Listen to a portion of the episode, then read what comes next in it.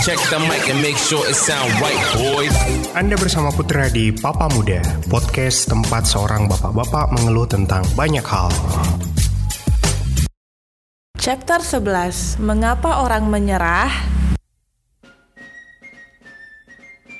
Setiap orang mengharapkan agar penamatan merupakan sebuah acara yang dinantikan oleh banyak orang.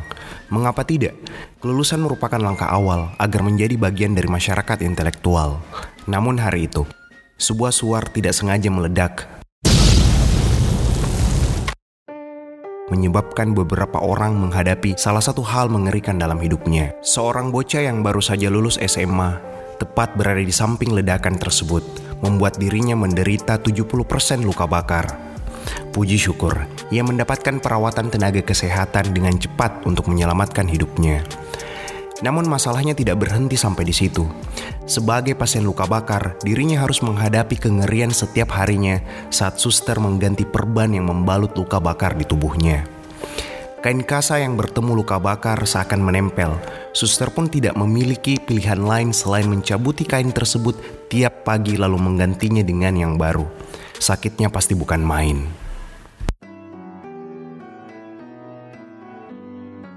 Di tengah-tengah rasa sakit, sering kali ia menemukan banyak sekali hal tidak rasional yang terjadi di rumah sakit.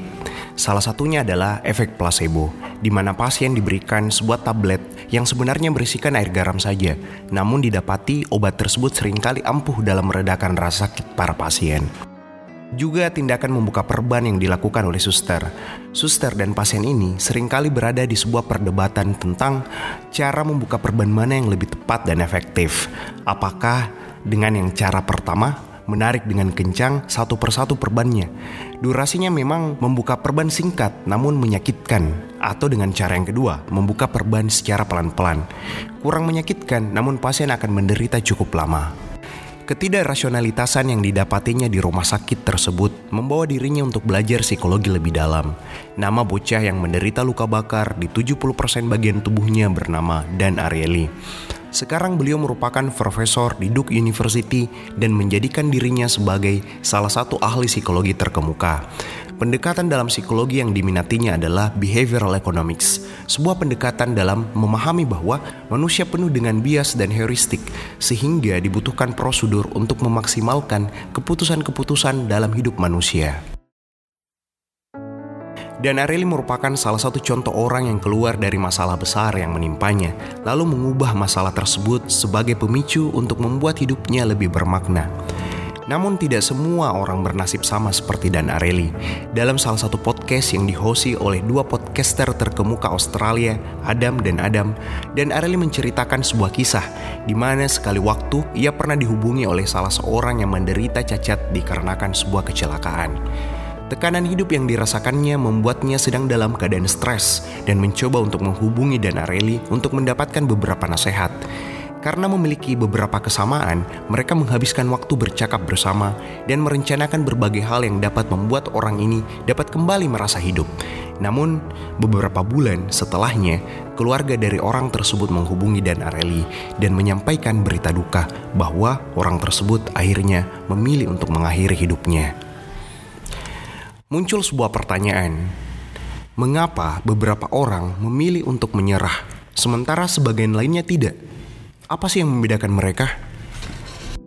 Jikalau saja saman bisa ditarik, maka saya akan membawa kita ke salah satu eksperimen yang paling lama dalam psikologi sosial, yakni triplet eksperimen yang dilakukan pada tahun 1898 oleh Norman Triplet. Norman memiliki hipotesis bahwa kompetisi meningkatkan kemampuan seseorang, sehingga dengan memanfaatkan kondisi yang muncul dari sebuah kompetisi, kita dapat menarik usaha terbaik dari seseorang. Percobaan yang dilakukan oleh triplet dengan cara mengukur kecepatan beberapa orang dalam bersepeda. Norman membagi perlakuan menjadi dua, yakni pada saat partisipan sendiri melawan waktu dan pada saat partisipan berkompetisi melawan orang lain.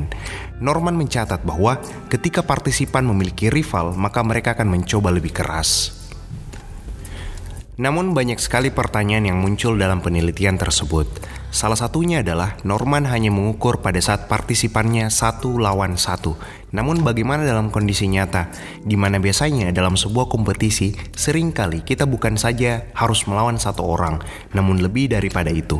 Di mana biasanya 6 orang, 65, atau bahkan lebih 100 orang. Apakah orang-orang ini masih mengeluarkan kemampuan terbaik mereka atau tidak sama sekali? Pada tahun 2011 lalu, sebuah eksperimen berskala besar dilakukan oleh Akademi Tentara Angkatan Udara Amerika Serikat, di mana mereka ingin memecahkan masalah semakin banyaknya mahasiswa mereka yang drop out. Sehingga seorang ekonom bernama Scott Carell ditugaskan untuk mencari solusinya. Pada saat yang sama, Karel beserta koleganya baru saja meneliti peer effect dan menyangkut potkan masalah yang dihadapi oleh Akademi Angkatan Udara Amerika ini bahwa kadet yang memiliki nilai yang rendah sebenarnya dapat ditingkatkan nilainya dengan cara membuat mereka sesering mungkin bersama kadet yang memiliki nilai yang tinggi. Asumsi mereka bahwa Pierce Effect ini akan membuat hubungan antar kadet semakin erat dan membuat mereka yang skornya rendah akan terbantu karena kehadiran kadet yang berskor tinggi.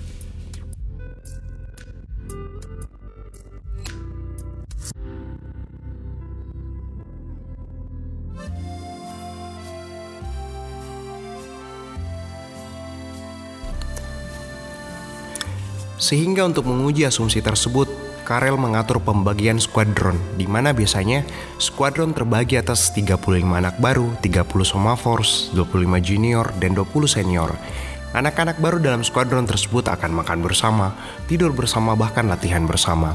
Sehingga Karel berpikir dengan mengatur orang yang masuk dalam skuadron tersebut, maka mereka dapat memanfaatkan peer effect Langkah pertama yang dilakukan oleh Karel adalah mengidentifikasi 1314 kadet yang memiliki skor SAT yang rendah dan skor SAT yang tinggi dan menempatkan mereka dengan SAT yang rendah pada skuadron yang memiliki kadet dengan nilai SAT yang tinggi dengan harapan keberadaan kader-kadet dengan nilai SAT yang tinggi akan meningkatkan kualitas mereka yang bernilai rendah. Untuk memenuhi kota, maka ditambahkan pula kadet yang memiliki nilai rata-rata pada skuadron tersebut. Namun, apa yang terjadi? Banyak dari mereka yang sebelumnya teridentifikasi memiliki nilai SAT yang rendah memilih untuk drop out dari akademi. Anehnya, malah mereka yang sebelumnya teridentifikasi memiliki nilai SAT yang rata-rata saja terlihat berhasil meningkatkan kemampuan mereka di luar ekspektasi sebelumnya. Apa yang sebenarnya terjadi? Bukannya kompetisi dapat meningkatkan usaha seseorang, namun mengapa mereka dengan nilai yang rendah malah menyerah, sementara mereka dengan nilai rata-rata yang malahan meningkatkan nilainya? Ternyata ada syarat yang berlaku dalam kompetisi. Haruslah mereka yang berkompetisi memiliki kemampuan yang hampir sama, barulah mereka tertantang untuk mengeluarkan kemampuan terbaik mereka. Jika dalam kompetisi kemampuan orang-orang di dalamnya memiliki gap yang tinggi, maka mereka yang memiliki nilai paling rendah tidak akan tertantang dan lebih memilih untuk menyerah. Namun yang perlu ditekankan adalah apa yang disebutkan oleh Paul Bronson bahwa sebenarnya meski di dalam kompetisi tersebut berjumlah banyak sekali orang, namun tetap kitalah sendiri yang menentukan rival kita. Kalau kita membandingkan dengan mereka yang berada di posisi puncak, tentu kita akan merasa kemampuan kita jauh di bawah mereka semua. Namun, jikalau saja kita membandingkan dengan mereka yang memiliki level yang hampir sama dengan kita, maka kita akan dapat merasakan tantangan sehingga memicu diri kita untuk berusaha lebih keras. Hal ini seperti yang terjadi di Bolonya, Italia, di mana ada lebih dari 200 perusahaan mesin pembungkus. Menurut Christina Boari dari Universitas Bolonya menyebutkan perusahaan-perusahaan ini pada saat diwawancarai mengenai rival mereka, banyak di antaranya membandingkan diri mereka dengan perusahaan terdekat dari lokasi mereka berada dan memiliki kemiripan dalam produksi. Mereka tidak membandingkan diri mereka dengan perusahaan terbaik, namun, mereka membandingkan perusahaan yang mereka miliki dengan perusahaan yang memiliki kondisi yang hampir serupa. Hal tersebutlah yang membuat mereka tetap bertahan. Satu kali waktu, Ucap dan Areli di podcast yang sama bahwa ia pernah bertemu dengan salah seorang yang kehilangan kedua lengannya karena kecelakaan. Orang tersebut tiap hari akan melarang perawat untuk memakaikannya baju namun meminta perawat ini untuk meletakkan baju di lantai. Lalu orang tersebut akan menghitung waktu seberapa cepat ia tiap harinya memakai baju dengan usahanya sendiri. Dan Areli menyebutkan bahwa yang membuat orang untuk tidak menyerah setelah melalui insiden adalah tidak memikirkan tentang bagaimana hidup mereka berubah atau bagaimana nantinya hidup mereka setelah mengalami kecelakaan. Tetapi mereka yang bertahan adalah mereka yang menyadarkan kepada dirinya bahwa mereka harus menyelesaikan masalah saat ini dari hal-hal yang terkecil, seperti memakai baju. Itulah podcast kita hari ini. Sampai jumpa di lain kesempatan. And let's always remember to be kind to one another.